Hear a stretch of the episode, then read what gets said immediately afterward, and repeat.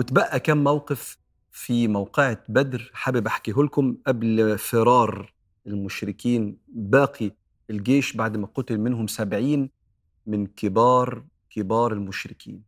أبو جهل اتقتل أمية بن خلف سيدنا بلال قتلوا في المعركة.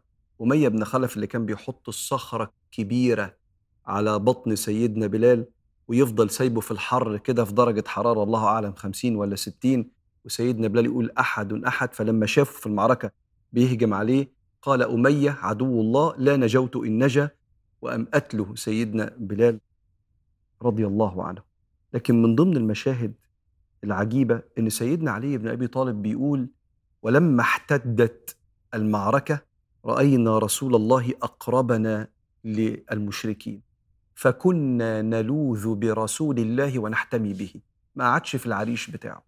لما شاف حقيقة المعركة ومواجهة العدد القليل للمشركين الظالمين وهم بيواجهوا الموحدين طلع في الصف الأول صلى الله عليه وآله وسلم لما كنت بحكي لك رمى التراب وقال شاهت الوجوه. فكانوا بيحتموا سيدنا النبي وكان أشد الناس وقتهم بسالة في القتال.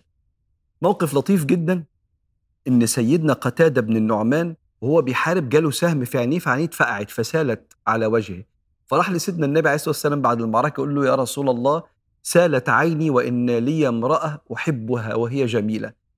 فإني أخشى إن ذهبت لها هكذا أن تقذرني. يعني تقرف من مش عارف إيه. فقال له يا رسول الله هلا رددت علي عيني؟ فتفل النبي وأنا أشهد أنه رسول الله وأن الله على كل شيء قدير. تفل النبي وده هيحصل كتير وإحنا ماشيين. وقام ماسح على عينه صلى الله عليه وآله وسلم فرجعت عينيه. والله قادر. اللي قدر الطبيب إنه يعالج يقدر النبي صلى الله عليه وآله وسلم بقدرته سبحانه وتعالى إنه يعالج. لكن كانت لطيفة إنه يقول له أصل مراتي خايف مراتي تقول على شكلي مش حلو يعني فعالجوا النبي صلى الله عليه وسلم. كانوا أشداء لكن كانوا في نفس الوقت بسطاء جدا مع النبي. هو كان بيديهم المساحة دي من ضمن المشاهد اللي ما تتنسيش. لما رجعوا أبو سفيان أبو لهب بيقول له عملته إيه؟ فاكر أبو لهب؟ ما طلعش. كان في واحد عليه دين فقال له أنا هدفع لك الفلوس واطلع بدالي. فلما رجع أبو سفيان أبو لهب قال له عملت إيه؟ قال والله لا نعلم. ما إن رأينا القوم حتى منحناهم أكتافنا يقتلوننا ويأسروننا. سلمنا نفسنا ليهم. فقال له أخزاك الله. فأبو سفيان كان جنبه واحد اسمه أبو رافع ده خادم سيدنا العباس وأم الفضل مرات العباس. فأبو لهب بيقول له طب بس إيه اللي حصل؟ قال له لقد لقينا فرسانا لا قبل لنا بهم. شفناهمش قبل كده. فأبو رافع قال قال والله إنهم الملائكة. فقام أبو لهب ماسك رافع وضربه وموقعه على الأرض قامت أم الفضل زوجة العباس كان في جنبها حاجة زي خشبة كده فقامت ضرب أبو لهب على رأسه قالت له سيبه هو عشان سيده مش موجود أن غاب عنه سيده.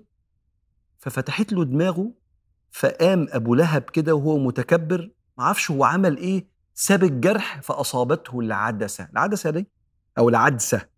هي عبارة عن مرض يشبه الطاعون. كأن تلوث شديد أو غرغرينة حصلت له في الجرح بتاعه ولم يبقى إلا أيام قليلة حتى مات. بس العدسة دي مرض معدي جدا. فأولاده ما حبوش يدفنوه. سابوه كده حتى انتفخ لغاية ما الناس بدأت تتريق عليهم وتلومهم. فطب نعمل مش هينفع نقرب ده مرض معدي زي الطاعون. فبدأوا يرموا عليه الحجارة عشان يعملوا عليه زي قبر كده عشان يدفن وخلاص ودي كانت موتة أبو لهب. تبت يدا أبي لهب وتب ما أغنى عنه ماله وما كسب. ويرجع سيدنا النبي عليه الصلاة والسلام للمدينة. ويجي زيد بن حارثة يبشر أهل المدينة بانتصار النبي. لكن يلاقي سيدنا عثمان بن عفان واقف على قبر ستنا رقية. عثمان ما طلعش. لأن رقية كانت عيانة بنت النبي عليه الصلاة والسلام. فالنبي قال له واحد مننا يقعد معاها وأنت أحق بها مني أنت جوزها. هي كمان تشعر معاك بالأمان وتشعر بالسند وتشعر أنت مش سايبها هي محتاجة الشعور ده. وكأن النبي يعرف إنها كانت في آخر أيامها. وفعلا أصابها الحصبة وماتت. وجي سيدنا النبي عليه الصلاة والسلام فلقى عثمان عند قبرها فبكى النبي صلى الله عليه وسلم. ملحقش يدفنها بإيديه لكن وقف على قبرها. ودعا لها ويرجع الصحابة ويرجع المشركين. الصحابة راجعين كما قال تعالى ولقد نصركم الله ببدر وأنتم أذلة. عددكم قليل وكان في منكم اللي خايف لكن المدد جه من ربنا. أما المشركين فرجعوا بغيظ شديد جدا لأن كبار كبار زعمائهم قتلوا أو أسروا في هذه المعركة. ونكمل إن شاء الله رحلة في حياة سيدنا النبي رحلة النور. ما تعديش عليك القصص دي قصة سيدنا قتادة المقاتل الباسل المغوار اللي من كتر قوته في القتال صب في عينيه فاتصفت. بس هو هو اللي بيحب مراته. وهو هو اللي بيتكلم ببساطة جدا مع سيدنا رسول الله. وده نور غريب جدا أنت لازم تتعلمه. نور مهم في حياتك. هو أنت الناس بتتكلم معاك ببساطة ولا بتخاف من عتابك ونقرزتك وزنقك ليهم؟ حرب خلصت حرب حضرتك. جاي تقول لي أصل مراتي خايف ما تبقاش عاجبها شكلي فممكن ترجع لي عينيا؟ آه. آه اتكلم مع النبي وقول له الكلام ده هو هيبقى حاسس بيا وفاهمني.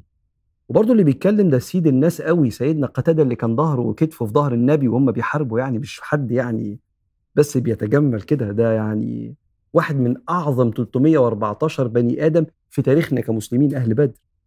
لعل الله نظر إلى أهل بدر فاطلع عليهم فقال أعملوا ما شئتم قد غفرت لكم. لكن بقى في حتة تانية عايز أشاركك فيها. خدت بالك من سيدنا النبي اللي قال لسيدنا عثمان اقعد جنب رقية ما تطلعش الحرب؟ حضرتك إحنا محتاجين كل راجل معانا لا خليك قاعد. مراتك عيانة. مراتك محتاجة حد جنبها يا أنا أبوها يا أنت جوزها خليك أنت. يا تشعر أكتر باحتياجها ليك خليك أنت.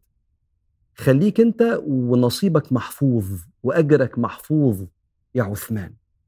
أنا بقول الكلام ده لكل بني آدم ربنا خلق في حياته مريض أراد بقدره إن يكون في حياتك مريض. وربنا أكرمك بخدمته. وأعرف ناس أعرف أكتر من حد عامل مستشفى صغيرة في البيت لأن المريض مش قادر يكمل في المستشفى مش عايز. حابب إنه يمرض في بيته. فيجيب له مستشفى صغيرة كده يعني عارف إيه والاكسجين والأنبوبة وقاعد جنبه. ويوازن ما بين شغله ومراته ولا توازن ما بين عيالها وجوزها ولا ايا كان مين العيان في الخدمة.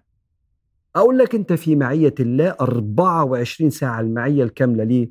لأن ربنا بيبقى عند المريض وربنا اللي قال كده عبدي مرضت فلم تعدني.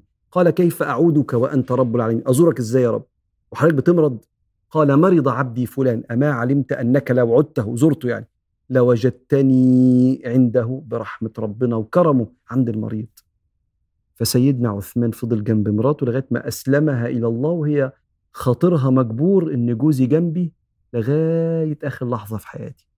بالمناسبة هو ده التدين والقرب من ربنا اللي النبي نور قلوبنا بيه.